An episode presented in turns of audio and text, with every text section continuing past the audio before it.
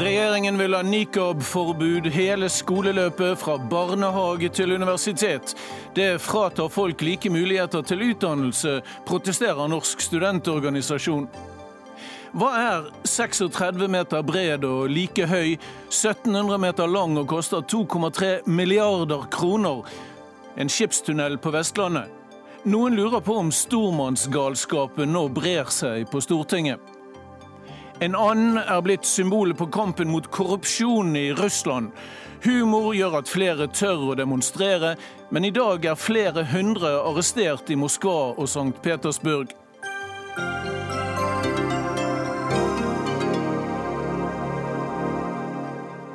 Til Dagsnytt 18 i studio Ole Torp. Vi skal også høre at abortloven er 42 år i morgen og markeres på litt forskjellige måter, med abortfest og med sørgetog.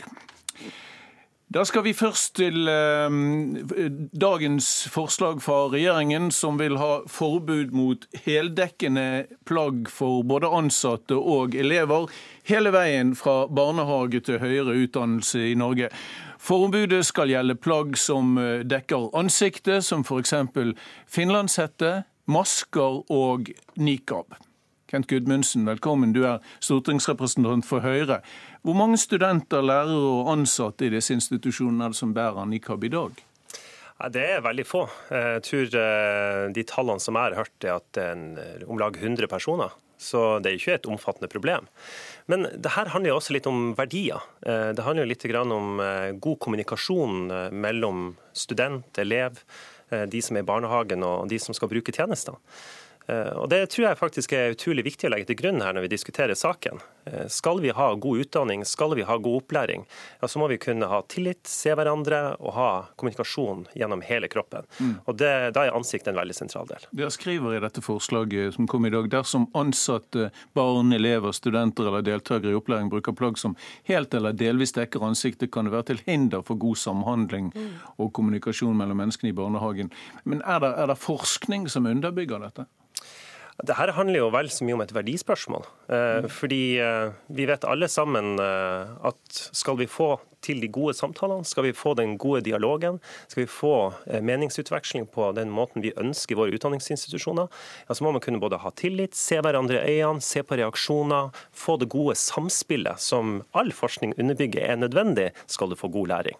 Så Marianne, i sånn måte syns jeg det underbygger det. Marianne Andenes, du leder Norsk eh, studentorganisasjon. Er det ikke viktig dette poenget som, eh, som Andenes trekker frem, at det er viktig å kunne se hverandre i øynene når man er på en læringsanstalt? Jeg tror at dette er jo, som det sies, ikke en helt svart-hvitt debatt. Eh, og det som vi Nei, Men dere har jo uttalt dere i dag veldig imot dette forslaget. Ja, og det har vi også gjort tidligere. Vi er mot et generelt forbud. Eh, og det er fordi at vi mener at det må kunne faglig begrunnes at et heldekkende hodeplagg faktisk er til hinder for læringen. Og så snakker jeg eh, som student og på vegne av norske studenter og universiteter og høyskoler, det som skjer der. Og hvis det hadde vært sånn da, at det ville vært til hinder for eh, læringen, så, vil, så har eh, utdanningsinstitusjonene i dag en mulighet til å innføre et forbud. Men siden vi ikke ser at alle høyere utdanningsinstitusjoner i Norge har innført et forbud, så tyder jo det på at det faktisk ikke er et så stort problem. Og som også rektor ved, nei, rektor ved Høgskolen i Oslo og Akershus sier i regjeringens eget notat, er jo at det er ikke nødvendigvis et hinder for læring når man f.eks. sitter i en forelesningssal med to, 200 andre studenter. Og men, Da er det ikke faglig begrunnet at man skal ha et forbud for alle. Du at, frykter du at noen vil dere har jo sagt i dag at dere frykter at dette vil frata folk retten til lik utdannelse. Eh, frykter du at mange vil holde seg borte fra eh, forelesningssaler og, eh, og skoler hvis dette forbudet blir gjennomført?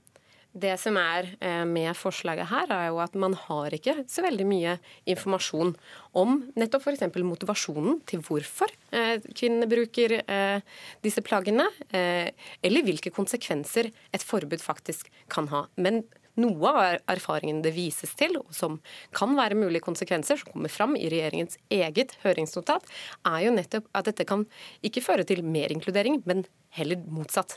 Altså mer eh, isolering fremfor inkludering. Og vi ønsker jo at disse kvinnene skal ha mulighet til høyere utdanning, og at vi nettopp kan få det inn i utdanningssystemet vårt, og kanskje også få svar på noen av de spørsmålene som regjeringen ikke klarer å svare på selv. Nettopp hva som er motivasjonen for hvorfor de bruker disse plaggene. Hva er motivasjonen da, Andenes? Altså, nå er det jo sånn at det er mulig å gjøre ting lokalt i dag. Så når man gjør dette fra regjering og stortingsside, så er det jo rett og slett fordi at det er greit å ha et nasjonalt rammeverk, sånn at vi får likhet eh, innenfor disse praktiseringene av regler. Og eh, I så måte så, så syns jeg det er veldig greit at vi får kjørt en høring nå. Eh, at vi får innspill. Og så må vi jo kunne innrette regelverket på en sånn måte at vi får en best mulig og mest mulig smidig gjennomføring. Men dere må vel også ha bekymret dere litt for at dere kan eh, bidra til å isolere folk? Men hvis man går gjennom dette notatet, så ser man jo også at det som ligger til grunn, er jo ikke at man skal hive folk ut ved første og beste anledning. Man skal gå inn i dialog og få til en forståelse for hvorfor man skal fjerne et ja, eh, og hvis du Hvordan leser, kan det være dialog hvis det er et forbud fordi, der? Fordi at uh, man skal ha en dialog der man forklarer hvorfor man skal ta av seg dette. Og Da mener jeg at man uh, vil få etablert en, en, prosess mellom både student og den som er veileder eller lærer, som gjør at man får en felles forståelse for hvorfor man ønsker dette. Har dere vurdert om dette kan være i strid med diskrimineringsbestemmelser i Norge? Ja, det har vi gjort. Eh, og vi har jo sett internasjonalt. Frankrike er jo et godt eksempel eh, som har gått mye lenger enn det vi foreslår. Eh, og de har fått medhold i EMK. Så dette er helt innafor i alle relevante instanser som vurderer det juridisk. Men nå er jo også Frankrike et mye mer sekularisert samfunn enn det vi har. Og det jeg på en måte undrer meg over, er at når man skal gjøre noe fra statlig hold som er så inngripende på individets frihet til å selv velge selv hvordan de skal gå kledd, at man faktisk ikke sørger for at man har god nok informasjon. For det, det virker nesten forhastet, dette forslaget. Men Det går gjennomgående i hele høringsnotatet at man har ikke nok informasjon om motivasjonen bak, om det faktisk er til hinder for læring, og om, vi vet ikke heller, om det vil ha positiv eller negativ konsekvens for likestilling. Nå snakker du for student, studentorganisasjonen, men jeg antar at du har sett hen til andre institusjoner også, andre læresteder. Og jeg lurte på, Bør f.eks. en barnehageansatt kunne bære nikab? Dette er ikke noe jeg har mandat til å uttale meg på. Jeg uttaler meg på vegne av studenter og universiteter og høyskoler. Men hvis du ser det store bildet, hva, hva syns du da? Jeg tror at det som vi ikke må glemme i denne debatten, er nettopp at det handler om om disse kvinnene skal ha mulighet til å velge selv, eller ikke hva de skal gå kledd i. Og hvis det finnes, og det kan finnes, faglig gode argumenter på enkelte studier, og da kan f.eks. pedagogikk være et av de typer studiene hvor det finnes faglige argumenter for hvorfor det er så viktig med kommunikasjon. Men kan man virkelig si at eh, f.eks. på statsvitenskap, studiet jeg selv kommer fra, hvor undervisning i stor grad er lagt opp i store forelesningssaler, er det da til hinder at en 28 år gammel kvinne sitter der med et heldekkende hodeplagg? Men, men, ikke sant, dette her viser jo ja, altså, det, det, her viser bare egentlig hvor, eh, hvor avspora debatten kan bli fra studentorganisasjonens side. For vi har jo tatt til orde for Nei, vi eh, alle utdanningsinstitusjoner. Vi vil ikke avspore den, Gudmundsen. Vi vil bare vite, ja, altså, vi bare vite ditt svar på dette. Er det et problem hvis det kommer en student og følger en forelesning iført nikab? Ja, det er jo hele poenget. Eh, det er et problem at man ikke har den åpenheten, den transparentheten og den dialogen som hele ansiktsuttrykk og kroppen og ordene eh, bidrar til når du skal ha god undervisning og god opplæring. Og derfor, ja, men Nå skal vi ha høring, og så skal vi ut med masse informasjon. Så dette her tror jeg kommer til å gå helt utmerket. Ok, Vi får se. Kent Gudmundsen fra Høyre og Marianne Andenes fra eh, Norsk studentorganisasjon, takk skal dere ha for at dere kom til Dagsnytt 18. Dagsnytt 18 alle hverdager kl 18.00 på NRK P2 og NRK2. Til Storbritannia nå, der vakler statsminister Theresa May så vidt videre etter katastrofevalget for det konservative partiet sist uke. Mange tror det bare er et lite tidsspørsmål før hun er politisk død. Oh yeah, I mean Theresa May is a dead woman walking. It's just how long she's going to remain on death row. I think we will know very. I think we will know very shortly. Hun går omkring som en dødsdømt kvinne. Det er bare et spørsmål om hvor lenge hun blir værende på dødscellen, sa redaktøren i Evening Standard, George Osborne, på BBC i går. May sparket som kjent Osborne fra finansministerposten for et år siden, og han synes å fryde seg åpenlyst over eh, å være i rollen som en av hennes mest frittalende kritikere.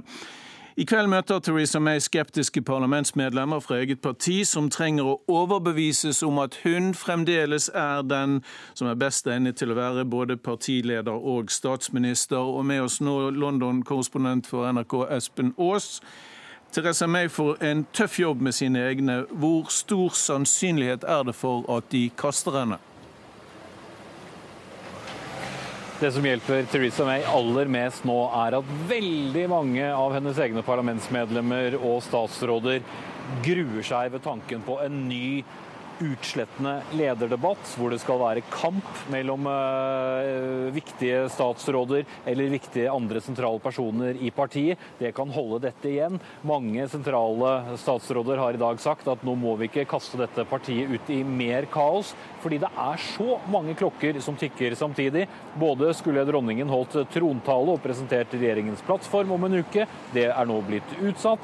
Samme er det med brexit-forhandlingene med de 27 gjenværende EU-landene. Det skal også begynne til uken. Også der snakkes det om en utsettelse. Og hvis ikke partiet har en leder eller en statsminister, vel, hvordan skal det da gå? Så inntil videre tror jeg nok kanskje hun eh, kan bli sittende, men det er mange som synes de nå sitter med en svak leder og med en svak statsminister, og det er ikke det partiet kjent for å ha noen tradisjon for å beholde. Nå har hun satt sammen en ny regjering, beholdt mange av sine eh, gamle ministre, men også trukket inn i den indre krets noen av de hun har vært på kant med, noen av eh, kritikerne. Det er, et, det er i, egen, i, egen, eh, gruppe. Og det er et uttrykk som heter det gjelder å holde fiendene nært ved seg for å holde dem under oppsyn. Er det slik Theresa May nå tenker? Ja, Dette har hun jo også gjort før, etter uh, da hun satte sammen eh, regjeringen i fjor. Utenriksminister Boris Johnson var jo en av de hun hatt flest feider med. Hun utnevnte han til utenriksminister. Nå har hun utnevnt, utnevnt uh, Michael Gove, som tidligere var justisminister under henne da hun var innenriksminister. Han har nå blitt miljø- og landbruksminister, og var jo en som stilte mot henne som lederkandidat uh, i fjor. Nå gjelder det å ha så mange av sine mulige fiender og skarpe kritikere om bord i de neste ukene og månedene. Og eh, likeledes godsnakke så godt hun kan med parlamentarikerne. De har jo sin 1922-komité som består av backbencherne i parlamentet, som er kjent som ramsalte kritikere av sine ledere, dersom ikke de får sin vilje igjennom. Og i øyeblikket så har hun også en parlamentarisk gruppe som er delt mer eller mindre på midten når det gjelder hva som bør skje i forholdet til EU videre en hard brexit, altså totalt brudd med EU og EUs indre marked, eller en soft brexit, hvor Storbritannia forblir iallfall en del av EUs eh, indre marked. Der er det mange tautrekkinger i vente. Vi må også snakke, med, snakke om samarbeidet hun, hun, vil innlede med Nord-Irlands nasjonalistiske Democratic Unionist Party, eh, et, eh, som har, holder seg med en politikk som får mange konservative i Theresa Mays parti til å holde seg for nesen hvilke innrømmelser må hun gi dem? Ja, Det er det knyttet mye spenning til. Nå virker det i utgangspunktet som hjertesaker som abort og homofili ikke vil komme som noen krav fra unionistene, men det som frykten er stor for i deler av Nord-Irland, er jo hvorvidt det vil komme krav der når det gjelder å få knyttet Nord-Irland enda, enda, sterkere til selve Storbritannia og gjøre forholdet til republikken Irland vanskeligere. Der har både fremstående medlemmer av den irske regjeringen og også eh, det irske republikanske republikanske partiet Sinn Fein sagt i dag at dette kan faktisk sette fredsprosessen i fare dersom DUP, altså unionistene, vil få for mye makt og for mye å si innad i den konservative regjeringen nå. Så hvis ikke hun hadde nok av balanseganger og balansekunster å oppvise fra før, her er enda en. Takk til NRK-korrespondent Espen Aas i London.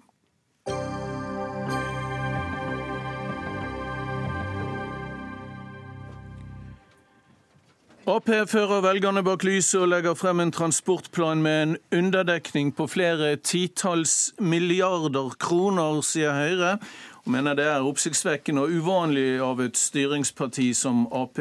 Årets nasjonal transportplan, kjent som NTP, overgår alle tidligere planer i omfang med en ramme på rundt 1000 milliarder som skal gå til alle mulige gode formål, både til lands, til vanns og endog i luften. Og I dag kom transportkomiteen på Stortinget med sin innstilling. Velkommen til eh, noen herrer her. Nikolai Astrup, leder for transport- og kommunikasjonskomiteen i Høyre. Eh, og fra Høyre, mener jeg. Hva er det som er så oppsiktsvekkende med dette forslaget fra Arbeiderpartiet? Det som er oppsiktsvekkende, er at Arbeiderpartiet legger inn en rekke forslag i eh, sitt, sin alternative plan som summerer seg til mange titalls milliarder kroner, uten at de legger penger på bordet. Eh, og Eksempler på det er for at de sier at man skal sluttføre intercityutbyggingen i 2030. Det koster nesten 30 milliarder, og de legger inn to.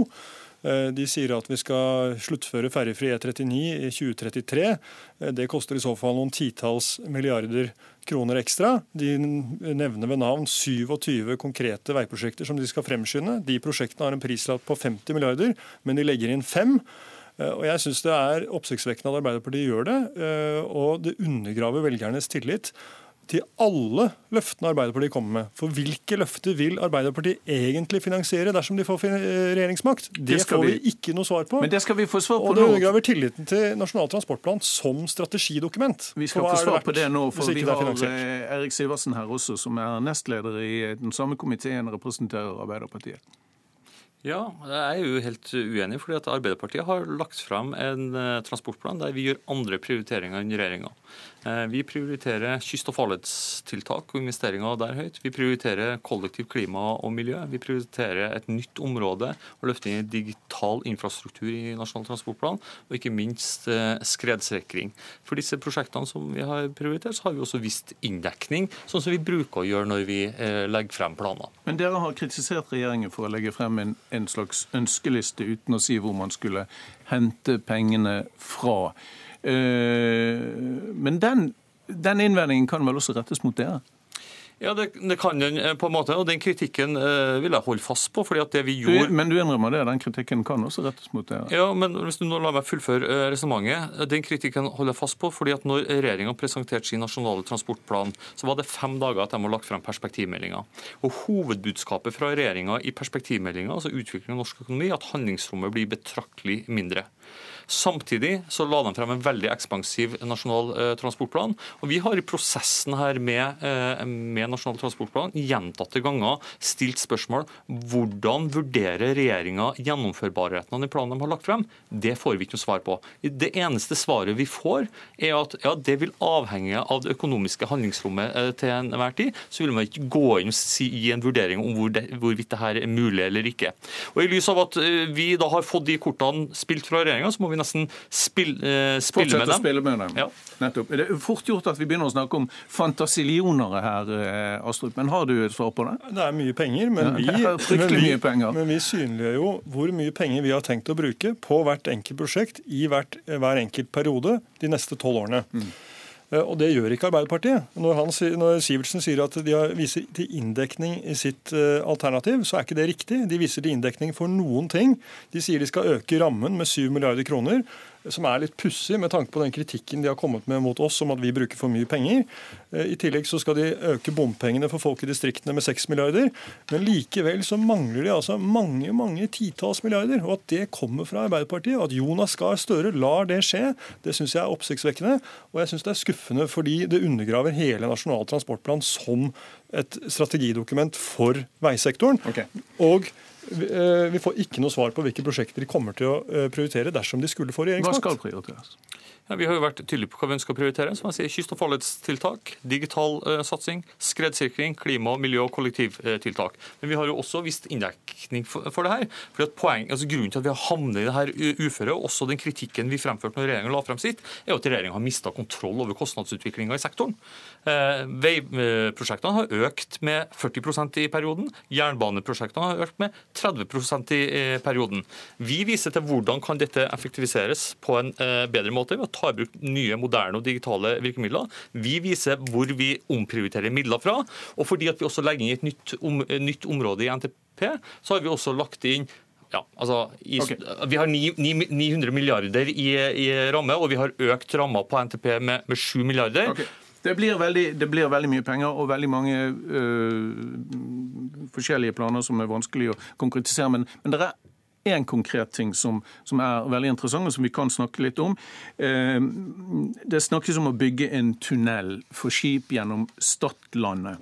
Eh, Nikolai Astrup. Den skal være 37 meter høy, 36 meter bred og nesten to kilometer lang gjennom et nes hvor folk i Norge har seilt rundt i århundrer her i landet. Det skal koste 2,7 milliarder eller noe sånt.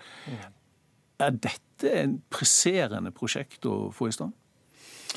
Jeg mener at Stad skipstunnel uh, har stor betydning for de som driver skipsfart langs uh, norskekysten, uh, særlig med mindre båter, særlig til frakt. Det har et potensial for verdiskaping, men det er også ingen tvil om at dette vil være en turistattraksjon. Det er klart det koster det samme som Holmenkollhoppet kostet i Oslo omtrent. Så, så det er mye penger. Men, men jeg tror at dette er et prosjekt som Eh, som vil bety mye for mange, og som vil eh, trekke til seg mange turister, som også er bra for verdiskapning i distriktene. Kanskje ikke den beste utsikten for turistene inn i, inn i Stadlandet på innsiden der, Jeg tror det blir en attraksjon, uten tvil. For, Støtter Arbeiderpartiet denne, denne skipstunnelen på Stadlandet? Ja, vi støtter skipstunnelen på Stadlandet. Ligger inne i den NTP-en vi la frem i 2013. Det høres ut som den kan bli av, altså? Stad skipstunnel ligger an til å bli bygd. Er det da en brei enighet på Stortinget om at eh, det er et prosjekt som skal prioriteres? Mats Arne Kirke Birkeland, Civita-rådgiver og Minerva-skribent. Du har interessert deg for denne, denne skipstunnelen eh, gjennom, gjennom Stadlandet. Før var det over Stadlandet, mm. rundt Stadlandet. Er det et godt prosjekt? Nei, det er jo ikke det. da. Eh, og hele Grunnen til at jeg nettopp trakk frem akkurat den, er at jeg ser på det som et sånn symbol på den gigantomien som rir Stortinget når det kommer til Altså en slags stormannsgalskap? Ja, det er en som rir hele samfunnsinvesteringen. Liksom, liksom, her hører du at det omgjør å bruke mest mulig penger.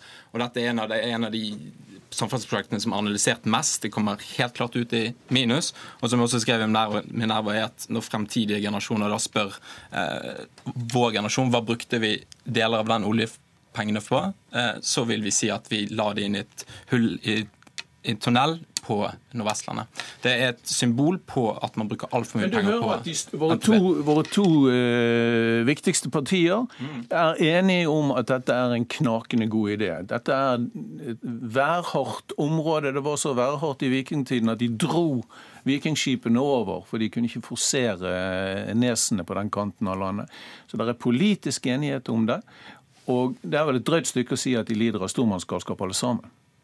Nei, men dette er jo nettopp det. Vi har to store partier her som eh, kan kjempe om å bruke mest mulig penger. All, begge, både Høyre og Arbeiderpartiet, har representasjon over hele landet. Så ingen vil komme i en situasjon der la oss si, den ene parten, det ene partiet, sier at vi har penger til dette, men ikke til dette. Sånn så begge overbyr hverandre. I et valgår, selvfølgelig. I et valgår. Så jeg vil at Mye av den NTP-en som ble lagt frem, er helt urealistisk. Det er sånn at man bruker opp halvparten av det handlingsrommet man har. Er det nesten sånn at det er ingen det... transportplan som er god nok eller dyr nok for Nei, politikerne nå for tiden? Vi, vi, overinvesterer i infrastruktur i Norge. Vi bruker rett og slett for mye penger på infrastruktur. Vi, bruker, brukt, for mye. vi bruker for mye penger på infrastruktur. Vi burde brukt penger på mye mer eh, fornuftige tiltak. Nikolai Astrup, dere bruker for mye penger på samferdsel. Ja, Det er jeg helt uenig i. Eh, jeg mener at det er helt nødvendig med et samferdselsløft for Norge. Det er nødvendig med det historiske jernbaneløftet som vi har, f.eks. Eh, på det sentrale Østlandet, hvor vi kan eh, da skape et mye større bolig- og arbeidsmarked. Det er bra for samfunnsøkonomien. Og det er nødvendig med de store veiprosjektene. Og ja, det er dyrt med Stad skipstunnel, men ta eh, prosjekter som Møreaksen, som skal knytte Møre sammen. Eh, det har en prislapp på 40 milliarder. Så det er klart, i NTP-sammenheng så er ikke Stad skipstunnel den symbolsaken som Kirkebykland snakker om. Men jeg har lyst til å si én ting til. Nei, nå syns jeg, jeg syns at Erik Sivertsen skal, skal, få ordet. Du, du, skal få ordet tilbake hvis vi, hvis vi rekker det. Jo, men jeg synes, eh, For det første så syns jeg Stad skipstunnel er et dårlig eksempel å trekke frem som en sånn type symbolpolitikk. Det er mange gode grunner for å bygge det. Er det ikke et eksempel på hvor eh, rundhåndet dere er interessert i å være i et valgår? Det finnes mange hull i fjell i Norge som er viktige for de menneskene som ferdes langs de strekningene, enten det er veitunneler, denne gangen for første gang i historien en, en sjøt, sjøtunnel. Det finnes gode argumenter for det. Men Minerva har et viktig, eh, viktig poeng, og det har vært begrunnelsen også for kritikken fra Arbeiderpartiet knytta til bærekraftigheten i den planen man, man legger frem. Fordi at kostnadsutviklinga i sektoren er ute av kontroll. Økninga, hvis vi skal ta E139 noe av det her er merverdiavgift, men det er økt altså fra 2013 fra 150 milliarder kroner til 340 i 2016. Det er mer enn eh, en dobling av, av, prisen. Det tilsier at vi må gjøre noen grep, for det kan ikke fortsette på, på, denne måten. Det er ikke et poeng å bruke mest mulig penger, men det er et eh, poeng, og det er jeg enig med Astrup i, å bygge mer infrastruktur for å øke mobiliteten. Fordi at mm. mobiliteten er et gode, og det kan være konkurransefortrinn. Er kostnadene ute av kontroll, Astrup? Så jeg synes Det er interessant at Erik Sivertsen trekker frem E39 og sier at dette må få en konsekvens, og så legger han inn hele prosjektet uten finansiering. i sin alternative plan. Men er kostnadsbruken ja, ute av kontroll? Kostnads, kostnadsveksten har vært altfor høy, og derfor har vi tatt noen veldig store og viktige grep, som f.eks. opprettelsen av Nye Veier AS, som Arbeiderpartiet var mot, som kommer til å spare samfunnet for 30 milliarder kroner de neste 20 årene. Vi har eh, opp, eh, gjennomført jernbanereformen, som kommer til å spare samfunnet for 20-30 milliarder de neste årene. Som Arbeiderpartiet også var mot. Så det er veldig hyggelig at Arbeiderpartiet har blitt opptatt av effektivisering i eh, vei- og banesektoren, men har, altså, de har stemt mot de viktigste grepene for å redusere kostnadene, og vi må selvsagt redusere dem mer. Og svaret til Arbeiderpartiet er jo ikke å kutte kostnader, svaret er jo å legge inn enda flere prosjekter uten noen form for inndekning. Og det er i min bok fullstendig useriøst. Kirkebirkeland, her hører begge, begge politikerne fra hver sin kant sier at ja, eh, kostnadene er ute av kontroll. Hva skal de gjøre? De må redusere budsjettet. Man må se på alternativ pengebruk. Man må redusere oljeforbruket. Men det, høres ut som de, det virker som de allerede begynte å redusere denne berømte forstadsbanen ja. mellom Oslo og Fornebu f.eks. For men fortsatt er det hele NTP, både Arbeiderpartiet sin og regjeringen sin, går i store, store minustall. Og man har I Sverige så greier man å ha lønnsomme investeringer. Leker de med penger de ikke har? Jeg mener de leker litt, fordi man har en generasjon politikere nå som ikke har evnet å greie å ha behov for å prioritere noensinne. Fordi at oljeøkonomien har vokst, de har økt bruk på uh, oljepengebruk inn i budsjettet hvert år. Man kommer til å komme i en generasjon nå hvor man er nødt til å prioritere annerledes. Og jeg ser på dette, dette festen er over, det du sier. Festen er over, dette champagnekorken som spretter på toppen av uh, norsk statsbudsjettfest. Takk skal dere ha alle sammen for at dere kom. Nikolai Astrup fra Høyre, Erik Sivertsen fra Arbeiderpartiet og Mats André Kirkebirkeland fra Civita.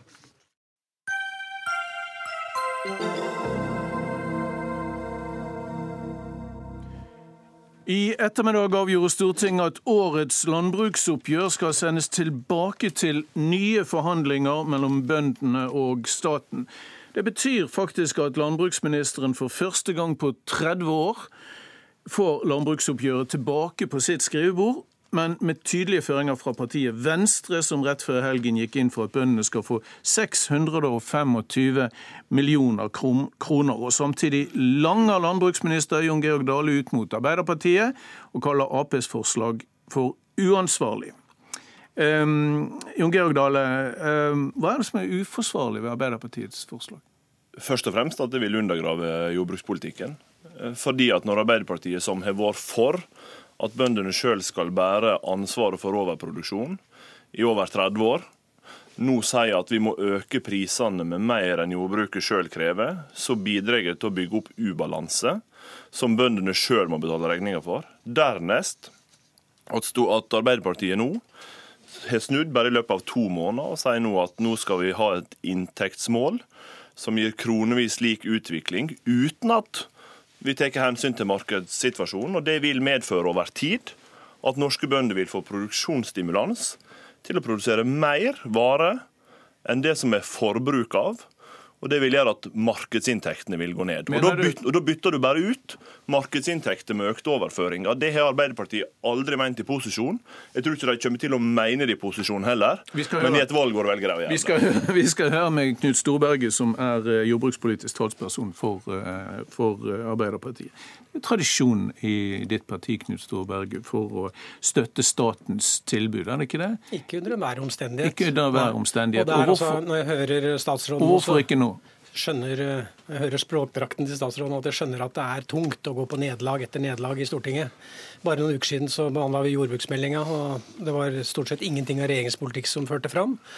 Og dette som har skjedd i dag, er jo et alvorlig nederlag for kanskje det viktigste instrumentet en landbruksminister har, nemlig jordbruksoppgjøret. Det er altså sånn at Arbeiderpartiet skal ikke gå lenger tilbake enn i 2014 eh, hvor vi heller ikke la statens tilbud til grunn. Det ville jo være merkelig med eh, et Frp-styrt landbruksdepartement om vi liksom på autopilot skulle godta hva, hva de la på bordet.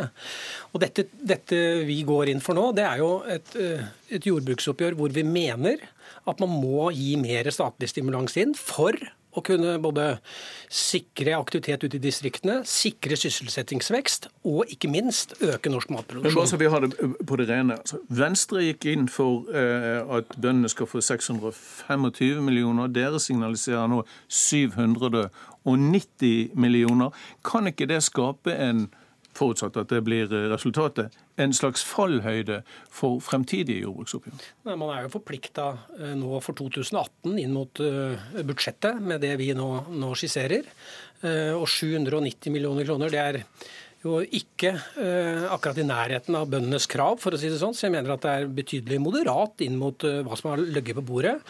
Og det er ikke riktig som det alle sier at dette bidrar til å undergrave jordbrukspolitikken. Snarere tvert imot. Så er vi opptatt av, som et samla storting sa for noen uker siden, at man skal begynne å tette inntektsgapet mellom de som lager maten i Norge, og andre sammenlignbare yrkesgrupper. Og Det er det som skjer nå, hvis man legger seg på Venstres linje og Venstres forslag. Det har jo regjeringspartiene sagt at man subsidiært skal stemme, stemme for, så man har jo i så måte bevega seg bort fra forhandlingsprinsippet sjøl. Ja, så øker inntektsforskjellene mellom de som skal produsere mat, og oss andre. Dale er ikke og det er ikke bra for rekruttering eller Jeg ser på matproduksjon. Dale at eh, landbruksministeren ikke er enig. Nei, Dette viser jo det jeg sa innledningsvis. Arbeiderpartiet snudde i løpet av to måneder. For to måneder siden ment, hvor du har det fra. for, er for. Altså, for, to måneder mein- for to måneder siden mente Arbeiderpartiet at god markedstilpassing var en forutsetning for det. Men det har vi ikke forlatt. med- dere ikke. Så det betyr at, at når dere nå fastsetter et kronevis likt inntektsmål for 2018, basert på bare budsjettoverføringer, betyr at det ikke vil gjelde for 2019 og 2020 og 2021 hvis Arbeiderpartiet kommer i regjering? Ja eller nei? Jeg jeg skjønner at du ikke har lest innstillingen i dag, hvor vi sier at vi mener at et passe nivå på budsjettoverføringene som vi nå snakker om, er 790 millioner kroner. Så er det sånn at vi sier samtidig at markedstilpasning og produktivitet, det må bøndene passe på sjøl for å øke sin inntekt. Og det er også veldig viktig, og dette er jo felt regjeringen har svikta på gang på gang, enten det gjelder markedstilpasning eller budsjett. Men det tredje elementet er jo å ivareta et eh, sterkt importvern, som jo statsråden og regjeringen hans har prøvd å rive ned så godt man kan. slik at For Arbeiderpartiets del, og det har vi sagt i disse fire årene, det er viktig at vi har med oss alle de tre elementene. Og vi gjorde allerede, river dere allerede når vi starta denne stortingsperioden, så lager vi en landbrukspolitisk plattform hvor vi sa det at et av hovedmålene må være å begynne å tette inntektsgap, ellers så får vi ikke rekruttert nye folk inn i næringa. Dere beskyldes for å rive ned eh, importvernet. Det er jo for seg kjente toner, men er det egentlig det dere driver med? Nå skal eh, Arbeiderpartiet varsle at de har tenkt å stemme for den nye artikkel 19-avtalen som omhandler importvernet, sammen med regjeringspartiene på fredag. Så det er jo en kritikk som i så tilfelle rammer Arbeiderpartiet Men eh, om. som utgangspunkt. Du vet hva jeg Men- snakker om. Men det viktigste av alt er jo at ja, men nesten, da må nesten forklare altså, hverandre hva dere eh, av snakker om. Noe av det første Dale sin regjering gjorde når man kom i posisjon, det var jo å varsle at man skulle rive ned det som man hadde bygd opp i forhold til ostetoll og- og kjøtttoll. Det ville vært en dramatisk situasjon for norsk landbruk. handler om noe langt mer enn artikkel 19-forhandlingene som nå nevnes. Og, og, og dette er jo det som er går igjen i Fremskrittspartiets ideologi. Man skal bruke mindre budsjettpenger, man skal ikke markedsregulere, man skal rive ned de instrumentene. Og samtidig så ønsker man å rive ned det som er tradisjonelt og godt fungerende og velfungerende eh, moderat importvern. Og det er klart at det ville ikke gjøre det mulig å lage mat i Norge. Og jeg synes, hvis, Istedenfor å være såpass kjepphøy og si at vi nå ødelegger landbrukspolitikken, så bør man ta ansvar faktisk for at man uh, byr dårligere inn i dette. Men det kan Arbeiderpartiet være helt uh, trygge på. at De tar det ansvaret vi har nå. Vi skal basert på de vedtakene Stortinget nå gjør, starte opp igjen forhandlinger med bondeorganisasjoner, reelle forhandlinger om innretning av et jordbruksoppgjør for 2018, som, svar, som, svarer på de klare bestillingene som Stortinget nå gir. Men jeg skjønner, men, nå har vi hatt et jordbruksoppgjør som har gått som en sånn pingpong mellom Stortinget jeg, og regjering. At dette ikke er bra. Jeg skjønner veldig godt, programleder, at Arbeiderpartiet nå ikke vil snakke om sine egne posisjoner i dette. For det er det som er dramatisk nytt. Jeg erkjenner, jeg at Stortinget nå legger på bordet mer penger enn jeg i utgangspunktet gjorde i mitt første tilbud til jordbruket. De legger på, mer, eh, på, bordet mer penger enn jeg i utgangspunktet strekte meg til gjennom forhandlingene. Men Arbeiderpartiets posisjon er jo den som er helt ny for første gang på 30 år. For det er helt rett at Arbeiderpartiet i 2013 slutta, unnskyld, 14 slutta seg til de eh, posisjonene som flertallspartiene da kom fram til når de behandla dette i Stortinget. Men det, det Arbeiderpartiet sier i dag, punkt igjen, det at de får et nytt inntektsmål. Og med samme Knut Storberg blir utfordra på det, så er han i ferd med å snu i døra. Og det er to timer siden Knut Storberg var med og ga vi innstilling. Og nå, vet, og nå vet ikke engang Arbeiderpartiet hva de egentlig mener. Da skal Storberget få lov til å klare hva han altså, Vi refererer innstillingen nettopp til det annet Høyre og Fremskrittspartiet var med og sa når vi behandla jordbruksmeldingen, om at man skulle ha en inntektstilnærming for norske bønder, hvor man tetta inntektsgapet mellom bøndene og de andre. Det er ikke så urimelig. Samtidig så skal man ha en politikk som bidrar til at vi kan markedsregulere, slik at det ikke blir overproduksjon. Der har jo Dale prøvd å gjøre hva han kan for å rive ned de markedsreguleringsmulighetene vi har. Og så må vi ha et fungerende importvern. Det er ikke noen ny nyhet fra Arbeiderpartiet. Men det som, det som er trist, det er at eh, det å stadig ta de kampene med Frp-styrt landbruksdepartement, det bidrar jo ikke særlig til vekst. Og helt til slutt, er, Nå er det nesten blitt sånn at jordbruksforhandlingene bryter sammen hvert eneste år det er mer vanlig enn en ikke vanlig at, at, eh, at, man må tilbake til Stortinget med, med, hele pakken. Er det på tide å revurdere hele forhandlingsinstituttet nå? Nei, Basert på det som Stortinget gjør i dag, så slår Stortinget ring rundt forhandlingsinstituttet og lar det være opp til partene og, fer og ferdigstille forhandlingene. Men, men, men, programleder, det vi nå får på bordet, er en ny reell forhandlingssituasjon. En forhandlingssituasjon som kommer til å medføre at norske bønder har inntektsutvikling de fire siste åra på over 20 dobbelt så mye som andre grupper. Skal vi ta vare på forhandlingsinstituttet, så trenger vi en regjering som faktisk forstår og lytter til hva et politisk flertall i Norge mener. og Det er det som har skjedd her. At man ikke har gjort, og da går det sånn fram og tilbake. Og det som er trusselen mot eh, forhandlingsinstituttet, det er jo FrPs program, hvor det står at det skal fjernes. Ok, Vi må stoppe der. Takk skal dere ha. Jan Georg Dale, som er statsråd, eh, landbruks- og matminister, og Knut Storberget, som er stortingsrepresentant for Arbeiderpartiet. Hør Dagsnytt 18 når du vil. Radio NRK Radio.nrk.no.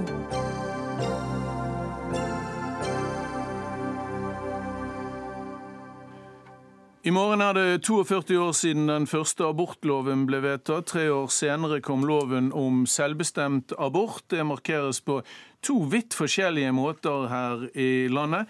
Eh, den såkalte Aksjon Nytt liv med Ludvig Nessa i spissen arrangerer sitt årlige såkalte sørgetog for det ufødte liv, til minne om barn de mener er blitt drept ved abort. Samtidig arrangerer Kvinnefronten en abortfest, som de kaller det, for å feire loven. Ludvig Nessa, leder i Aksjon Nytt liv, dere var først ute med deres eh, arrangement. Hvorfor arrangerer dere dette sørgetoget, og hvordan går det for seg? Nei, Vi har jo arrangert dette nå i flere tiår, eh, hvert eneste år. og Grunnen til det er at eh, hvert eneste år her i landet så er det eh, en 15 000-16 000 i hvert fall små barn i mors liv som blir myrda, blir tatt livet av, rett og slett. Og det syns jeg det er all grunn til å, å sørge over. og Derfor så har vi en gang i året da, på, på, på, abortlovens dag, altså denne mm. loven som tillater dette. På den dagen den ble vedtatt, så, så går vi da i dette sørgetoget. Og vi starter ved Stortinget. Vi har noen appeller der. Går videre opp til Høyesterett. Hvor mange er det som deltar i dette toget? Nei, Det har vært veldig varierende. Men eh, for det meste så har det bare vært en 30-40-50 stykker. Dere har holdt på med det i flere tiår, sier du, og det har åpenbart ikke gjort noe veldig sterkt inntrykk på politikerne, for det er ingenting som tyder på nå i hvert fall at, eh, at abortloven skal reverseres. Jeg lurer på hvor lang tid skal det gå før dere tar inn over dere at kvinner har fått rettigheter til egen kropp her i landet? Altså Når det gjelder våre synspunkter, så er jeg helt sikker på at det er tid å tale til vår fordel. Fordi at eh, vi er jo i ferd med å sage av den greina vi sjøl sitter på. I og med at vi tar livet av eh, så mange av våre egne. Du mener det, det blir ikke flere mennesker igjen enn det du prøver ja, å si? Altså, altså, hele Europa jo, er jo i ferd med å dø, rett og slett pga. at uh, vi, vi, tar livet av våre egne barn. Fordi det, ikke, fordi det foretas mange aborter, så er hele Europa i ferd med å dø? Ja, det er jo sånn det er. Skjønner. OK. Kristine Lind Kristiansen Katrine Unnskyld. Ja. Unnskyld, Katrine. um, du er talsperson for eh, Kvinnefronten, ikke sant? Eh, ja, jeg sitter i landsstyret det, er i hvert fall riktig. Mm. Dere arrangerer noe som skal hete abortfest, som er et svar, har jeg forstått, på dette sørgetoget. Er abort virkelig noe å feire? Eh, nå er jo det et retorisk grep fra vår side å kalle det abortfest. Det er jo motsatsen til sørgetoget til Ludvig Nessa og mm. co. Men det vi feirer, er jo selvbestemt abort, at kvinner har fått retten til å velge. Og den friheten der er verdt å feire, mener vi. Mm. Men, men det er flere, og ikke bare uh, dypt kristelige mennesker, som har reagert på dette uttrykket mm. abortfest. Det har en, noen som mener det har en litt merkelig og kanskje til og med usmakelig uh, tone ved seg. Ja, vi mener at det burde altså Det er jo et retorisk grep. Det er ikke en fest for alle kvinner å ta abort, er det det? Nei, men det er heller ikke en så skjebnesvanger og stor sorg å velge å ta abort for de mm. fleste kvinner. Vi skal respektere de, de kvinner som syns det er et vanskelig mm. valg, men majoriteten av kvinner syns ikke det er et så veldig vanskelig valg. Og det har noe med at eh, når vi hele tiden skal snakke om abort som noe tøft og utfordrende og vanskelig for en kvinne, så skal vi påføre mer og mer skam og skyld. For jeg tror mange kvinner føler mer skam og skyld over at de ikke føler noe særlig sorg over det valget, fordi det forventes av dem. Mm. For å spørre Nessa, da, Hva syns du om uh, abortfesten? Nei, For meg blir det nesten morbid. Altså Det, altså det, det, det blir helt fryktelig å feire at vi tar livet av eh, små barn. Altså Men det er ikke det vi feirer. Vi feirer jo kvinners rett til å bestemme over sitt eget liv. Ja, altså Kvinners rett til å bestemme over eget liv eller egen kropp, som dere pleier å si, det, det vil ikke jeg bestride. Om du vil fjerne tommelten din eller blindtarmen din eller nesen din eller øret ditt, det, det får du gjøre som du vil med, men eh, når du vil ha rett til å kunne drepe ditt eget barn, så, så går bare ikke det an. Altså Det er i strid med alt som heter rett og rettferdighet. Men abortkampen har egentlig aldri handlet om abort eller ikke abort. Det har alltid handlet om trygg eller utrygg abort. Fordi hver time dør seks kvinner av utrygge aborter i verden. Og det er ikke sånn, sånn vi vil ha det i Norge. Vi vil kjempe for at alle kvinner skal ha rett til abort, slik at vi slipper at de må ta bruke farlige metoder som risikerer deres liv. Hvis dere skal gå i sørgetog, så gå i sørgetog for de 50 000 kvinner som dør hvert eneste år av farlige aborter. Ønsker du at kvinner skal føle skam over å ha tatt abort? Ønsker det. Altså, jeg trenger ikke ønske det. De fleste har store problemer med om de ikke visste hva de gjorde før de tok den aborten. Men dette så... er jo faktisk ikke helt sant. Veldig jo, mange kvinner, det, det, det er ganske sant, kvinner, for det hadde ikke vært så mange sterke reaksjoner. Kvinner vet jo hva de gjør når de tar abort. Ja, jeg er ikke så sikker på det, jeg, at de vet det før de har tatt den. Altså 95 av kvinner i en undersøkelse fra USA for et par år siden sa at de verken følte noen sorg, skam eller skyld over å ha tatt det valget. Og der fulgte de de kvinnene to uker etter aborten pluss fem år etter aborten. Og det var resultatet. Så det er en myte det at kvinner går rundt og lider stor sorg etter en abort. Men, de er det, fornøyde med valget de har tatt. Men altså det der med legal abort, den førte 100 til drap eh, av små barn i mors liv. Altså, det, det, det, men, det, er jo snakk om uhyggelige tall. Men jeg, jeg, skjønner at du syns det, men har du noen selvstendige undersøkelser eller forskning på hvorledes kvinner føler seg etter å ha tatt abort, siden du er så skråsikker på dette? Altså, Jeg har ikke noe forskning på det. Du har ikke noe forskning? Men, men, det er bare noe du syns? Ja. Eller tror? Altså, Det er noe jeg tror de fleste ser. for det at Hadde jeg når jeg kom opp i denne abortkampen her i 84, mm. sagt f.eks. fra talerstolen i den kirka som jeg holdt til 17. mai-tallet, at det er alle som har tatt blindtarmen, de har drept et lite barn så var det ingen som hadde brydd seg om det i det hele tatt. De hadde bare sagt at Nessa han har det klikka for. Han går det ikke an å ta på alvor. Det var jo en del som sa akkurat det. Men når jeg sa at abort er drap, så ble det en helt annen reaksjon. Men det er jo klart mange at som har sagt at det har klikket for deg også, når du sier det du sier ja, ja, om kvinner ja, jeg er klar over det, men altså, det, de sterke reaksjonene som kom, og som òg førte til at vi ble avsatt som prester, de viser at vi rørte borti Vi kom borti en verkebyll som gjør fryktelig vondt hos de fleste kvinner. Men hvis dere virkelig mener det, at dere vil ha ned antallet aborter i Norge og i verden, så burde dere gå i tog for gratis prevensjon og bedre seksualundervisning. For det er det som funker. Skal vi få ned antallet aborter i Norge, så er det de tiltakene som må til. Det eneste dere gjør, er å påfyre skyld og skam på kvinner som allerede har tatt et valg. Eh, Trine Linn Kristiansen, hvor ville vi vært etter din mening i dag eh, hvis vi ikke hadde fått denne loven for 42 år siden? Da hadde vi vært i samme situasjon som f.eks. polske kvinner er i nå. At eh, de må ty til andre midler, som strikkepinner og den slags. Og eller at eh, kvinner med penger og ressurser har mulighet til å reise i utlandet og ta abort, mens kvinner som ikke har det, må benytte seg av farlige metoder. Så strikkepinneabortene finnes fremdeles eh, som, som Absolutt. eh, utbredt i Europa? Men, men har du tenkt på det at det er de polske kvinnene som sender en masse med arbeidere her til Norge for å gjøre de jobbene som vi ikke lenger har mannskaper til? Altså, Det er jo polske kvinner som langt på vei er med på å holde hjula i gang her i Norge.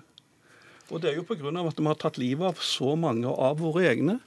Altså hvis, du, hvis det var en bonde for eksempel, som eh, satte potetene sine, og snart de begynte å gro hvis han fikk panikk og gikk ut og rev de opp, så det er klart at det, det vil jo ikke gå verken den bonden eller den familien eller den gården godt. Jeg er litt usikker på om, om den analogien holder. Ja, det altså, er de, altså, altså, Vi kan ikke ta livet av våre egne uten at det får store konsekvenser. Men det synet du har på kvinner, sier jo Det er veldig middelaldersk at vi har bare én mening med livet, og det er å fylle vår biologiske skjebne og få et barn. Kvinner er mye mer enn det, men det virker det som ikke Altså, du har mulighet til altså, Okay. altså, det, til, dag, til dags dato vi vi, vi er det ingen, der, til dags dato så er det ingen som har klart å over- overbevise kvinner. meg om at en gjør en kvinne en tjeneste ved å drepe ungen hennes. Nei, men Vi må stole på kvinner, og jeg og Kvinnefronten vi stoler på at kvinner kan ta avgjørelsen for seg selv og bestemme over sitt eget Men liv. og Hun men, trenger ikke Takk skal dere ha, Men Ludvig Nei, det, det er over. Det er over, Ludvig Nessa, for, for, for denne gang. Ludvig Nessa fra eh, Aksjon Nytt Liv og Katrine Lind eh, Kristiansen fra Kvinnefronten. Takk for at dere kom til Dagsnytt 18.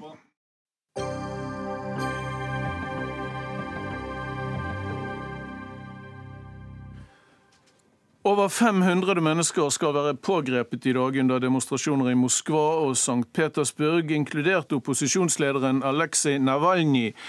Han har eh, oppfordret sine tilhengere til å bruke den russiske nasjonaldagen til å demonstrere mot korrupsjon i over 200 byer over hele Russland.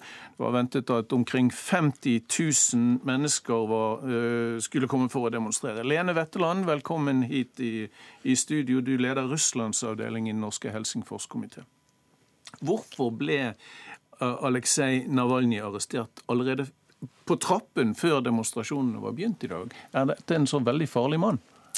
Eh, Han er jo en mann som greier å mobilisere veldig mange forskjellige mennesker.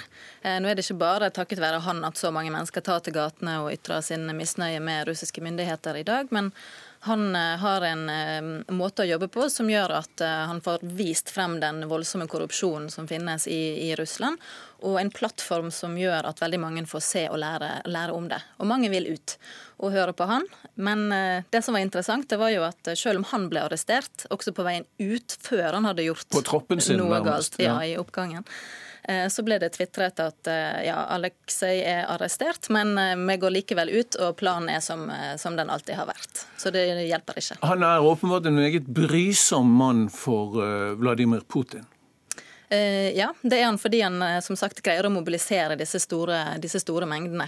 Eh, men det er jo òg veldig mange bevegelser som allerede har eksistert i Russland ganske lenge. Som, som protesterer på lokalt nivå, på regionalt nivå. Og han greier å samle de og, og gjøre det til enda mer organisert da, og syste, mer systematisk. Men samtidig er det veldig strenge regler mot å, mot å demonstrere i Russland. Mm. På hvilken måte har Putin klart, eller myndighetene klart å stramme inn disse rettighetene de siste årene? Det har jo vært en rekke forskjellige innstramminger. De ble jo først skremt i 2011 og 2012, da Putin og Medvedev annonserte at de ville bytte plass. Eh, som, eh, som, statsminister og eh, president. Det var store demonstrasjoner på Balotnøya. Så mange mennesker hadde ikke de russiske myndighetene sett ute i gatene på, på, lenge, og ble veldig skremt av det. Mm. Så var det jo det som skjedde i Ukraina, Maidan-demonstrasjoner, den arabiske våren osv. Så, videre. så de har strammet inn på forskjellige, på forskjellige områder. Og også ikke bare altså strammet inn lovgivningen, men også praksis, og at de faktisk arresterer og en aktivist er jo også fengslet i to og et halvt år. Hva slags korrupsjon er det Navalnyj har, eh, har avslørt, som får folk særlig til å reagere? Det er jo det at det er veldig profilerte mennesker. altså Til og med statsminister Medvedev, altså når man snakker om hvilke type eiendeler han har. Eh, og Det som har kommet særlig fram nå i det siste, det er jo det at han har et veldig påkostet andehus eh, i en andedam utenfor Altså gakkak, eh, gakkak ja. ja. I en andedam utenfor hans, en av hans store datsjer, altså sommersteder eller mm. landssteder. Så istedenfor å si at statsministeren er korrupt, så går folk rundt med store, gule ender. da, altså Sånne badeender. Som ballonger eller som, som utstyr. På, på, klærne? Eller på På klær, eller som en ballong, eller som en stor figur. Og i, i St. Petersburg i dag så ble en av disse store gakkakkene da arrestert. En av gakkakkene ble arrestert. Hva risikerer eh, folk eh, ved å demonstrere? Eh, det kommer på, på, flere nivåer. Som sagt så er jo loven ganske, ganske streng. Men Eh, det er litt opp til, til dommerne i hvilken grad de faktisk eh, arresterer og dømmer folk til fengsel. Når vi hører at de arresterer 500 mennesker i dag mm. um, ja, 700. Over 700. 700 er det mm. kanskje blitt. Mm. Ikke bekreftet riktig ennå, men det er det vi forstår. Um, er det sånne arrestasjoner som medfører at man blir sluppet fri neste formiddag, eller blir det faktisk reist sak mot disse menneskene? Det, det, er det som varierer. Altså Noen blir på en måte bare fraktet bort fra demonstrasjonsstedet, sånn som det har vært i St. Petersburg. I Moskva så er de brakt inn inn til politistasjonene og får da ulike typer av eh, påtale. Uh, hovedsakelig så er det for å ta de bort fra demonstrasjonen der, der den på, pågår. ja. Mm. Uh, mens hvis man er organisator, så kan man risikere lengre, lengre prosesser. da, Og kanskje bøter. Og kanskje i, i, siste, i siste instans fengsel. ja. Et paradoks er at uh, Putin gjør det meget godt på meningsmålingene i Russland. Mm. Hvordan kan det henge sammen? Eh, det henger litt sammen med hvordan meningsmålinger gjøres i Russland. Man må tenke på at Hvis man sier 86% av eh, de spurte støtter Putin. Da må man tenke på hvem av de som er de spurte. Det er ikke alle som tør å svare på sånne spørreundersøkelser. Så selv om selve undersøkelsen er gjort på riktig måte, sånn som f.eks. Levada-senteret gjør, så det, har det likevel noe med utvalget, i hvilken grad folk faktisk svarer. Eh, ærlig på disse spørsmålene. Så det du sier er at vi ikke skal tro på meningsmålingene? Nei, ikke, ikke, direkte de tallene som de kommer med sånn. Man må se på, må se på trender over lengre tid. Men vi vet samtidig at Putin appellerer til nasjonalisme og, og uh, uh, i Russland. Ja, han kom, han kom, til makten etter uh, Jeltsin. Han har fått orden på veldig mye. Mm. Det sammenfalte med en periode når oljeprisen var veldig høy, så mye har gått veldig bra. Eh, den siste tiden. Kulminerte kanskje med annekteringen av Krim. Men mye av dette begynner å miste effekt. For nå har man denne krigen mellom kjøleskapet og TV-en, som det heter. Og folk begynner å merke at det som de blir fortalt på statlig TV, det er ikke det samme som de opplever hjemme. Når de skal fylle kjøleskap. Ja, og det gjør både at de går ut i gatene, og at de ikke er så positivt innstilt til Putin som de har vært. Vi får følge med Lene Wetland, tusen takk, fra leder for Russlandsavdelingen i den norske Helsingforskomiteen.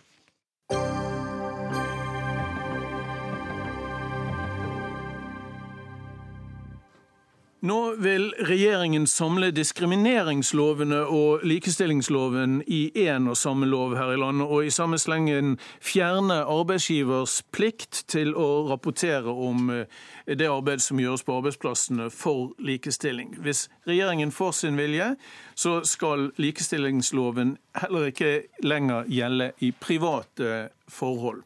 Solveig Horne, barne- og likestillingsminister, Fremskrittspartiet, velkommen hit. I dag er det egne diskrimineringslover for seksuell orientering, etnisitet, nedsatt funksjonsevne, i tillegg til loven om likestilling mellom, mellom kjønn. Og Alt dette vil du slå sammen til én lov. Hva skulle gevinsten være ved det? Vi har i dag nesten fire like diskrimineringslover, eh, som er veldig vanskelig å finne ut av hvordan du skal bruke. Eh, de er nesten helt like, og både flere utvalg eh, har tatt til orde for at det er viktig med en, en felles lov som er mye tydeligere. Den er òg mer brukervennlig og mer rettferdig. Og med den styrkingen som vi har gjort med nå med en felles likestilling og diskrimineringslov, så har vi altså fått på plass et tydeligere vern for mot nei, graviditetsdiskriminering. Eh, vi har òg for første gang innført at det skal være forbud mot aldersdiskriminering aldersdiskriminering utenfor arbeidslivet. Og for å nevne noe, så er det flere styrkinger som, som nå det er en ny felleslov. Tydeligere, men noen vil kanskje si at faren er at uh, lovene blir utvannet? Ja, Vi har vært veldig klare på at det ikke skal utvanne. Vi skal ha et tydeligere vern. Og den tydeliggjøringen som vi nå gjør i, opp imot graviditetsdiskriminering, det har vært viktig å få på plass. For loven i dag er veldig utydelig. Det at for første gang så skal det nå òg være blir, altså blir alder et, et eget, eh, ja, et eget grunnlag. Mm. Og det som går på IKT for eh, både innenfor utdanningssektoren, som skal være med å, styrke funksjonshemmedes rettigheter. Anette Trettebergstuen, stortingsrepresentant fra Arbeiderpartiet, medlem av familie- og kulturkomiteen. Er likestillingsloven utydelig? Nei, likestillingsloven er et norsk varemerke som har gjort oss verdenskjente. Men Statsråden sier den er utydelig. Nei, den, den, er ikke Den er, den er veldig, veldig, tydelig. Eh, når man skal endre lovverk og fremme ny politikk, så må det være for å gjøre situasjonen og likestillingsarbeidet bedre. Det gjør ikke de grepene som Frp og Høyre får gjennomslag for i dag. Tvert imot. Når det gjelder det å samle lover, så har ikke det noe særlig å si for folk flest. Hvis du føler deg diskriminert, så slår du ikke opp i noe lovverk. Du, du googler, eller så ringer du til eh, Likestillings- og diskrimineringsombudet. Men hvis det ikke spiller noen rolle for folk flest, da er det kanskje ikke farlig, da? Det har en, en, veldig viktig symboleffekt, det at vi har denne likestillingsloven som omregulerer kjønnslikestilling i Norge. Den forsvinner ved felles Eh, diskrimineringslov. Men det som er viktig, er at juristene, som først og fremst bruker lovverket hver eneste dag, de forteller oss at uh, her er det stor fare for at mange nyanser går tapt, uh, og at det at en felles lov, um, at vi skal få én felles lov istedenfor uh, fire særlover, uh, det frykter de vil svekke arbeidet mot kjønnslikestilling. Derfor så er vi imot den sammenslåingen, både av praktiske grunner og av symbolske grunner. Men regjeringen foreslår jo mer i dag. og De foreslår å splitte opp de som jobber mot diskriminering og for likestilling, altså Likestillings- og diskrimineringsombudet, og flytte det ut. Svekke fagmiljøet. Det er vi imot. Og I tillegg så er det, som du nevnte, programleder, slik at uh, i arbeidslivet så har vi store likestillingsutfordringer. Hittil har det vært slik at bedrifter er nødt til å jobbe for økt likestilling i bedriften sin. og de må rapportere, rapportere, på det. Ja. De må rapportere om hva de gjør for å forbedre. Dette vil også Høyre og Frp fjerne.